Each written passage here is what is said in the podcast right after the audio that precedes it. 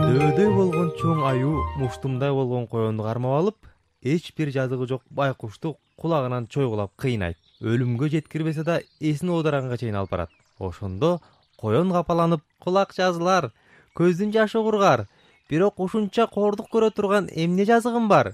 Аюу э, токойдогу аңдардын чоңу күчтүүсү карышкыр менен түлкү араларынан кыл өтпөгөн ысык достор эми мен кимге корголойм?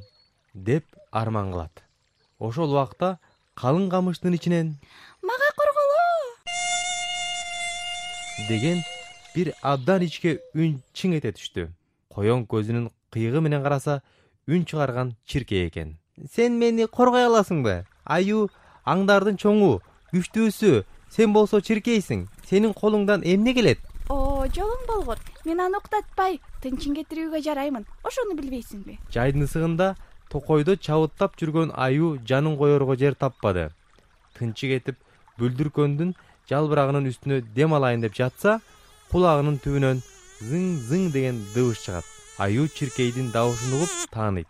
Чиркей аюунун мурдуна келип конуп каңгылжырына кирип кетет. Аюу чыдабай күчүнүн баардыгынча таманы менен мурдун ургулап жерге оонолактап эс оойт. Дыңылдаган чиркейдин үнү кулагынан кетпейт.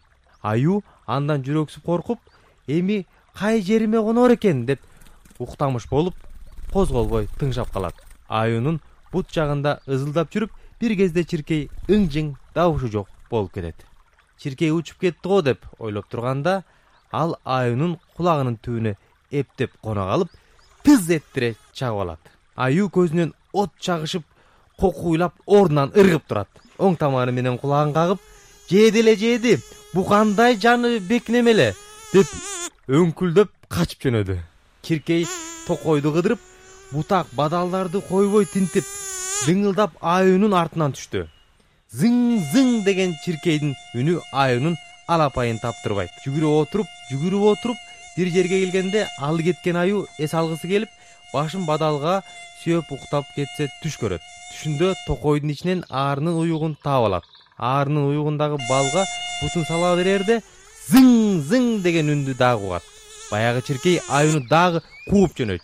Көзү умаштай ачылып кайран неме зымырлат аюу жанталашып качып баратса да чиркей тынчтык бербеди. Ызылдап ызылдап келип кайрадан жымжырт боло калат. Аюу шиктенгендей тыңшап туруп жаңгак жыгачынын түбүнө жашырынат. Бир аздан соң кыйналган шордуу көзүн жумуп үргүлөп кетет. Бирок чиркей мурдагыдай эле ызылдап аюунун жанынан жай алдырбай таң атып күн чыкты. Уйпаланып түктүйүп уктабай сенделип келе жатса чиркейдин ызылдаган үнү аюунун кулагына дагы угулду. Ал селт эте түштү.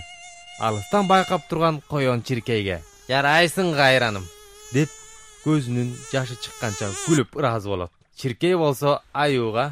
Коендун күйөрү жок деп ойлогонсуң го эми баатыр акеси. Буга кордук көрсөткөнүңдү койгун мунуңду койбосоң айлаңды гана кетирем да тытынып жүрө өлөсүң деп коркутуп ызылдап учуп кеткен экен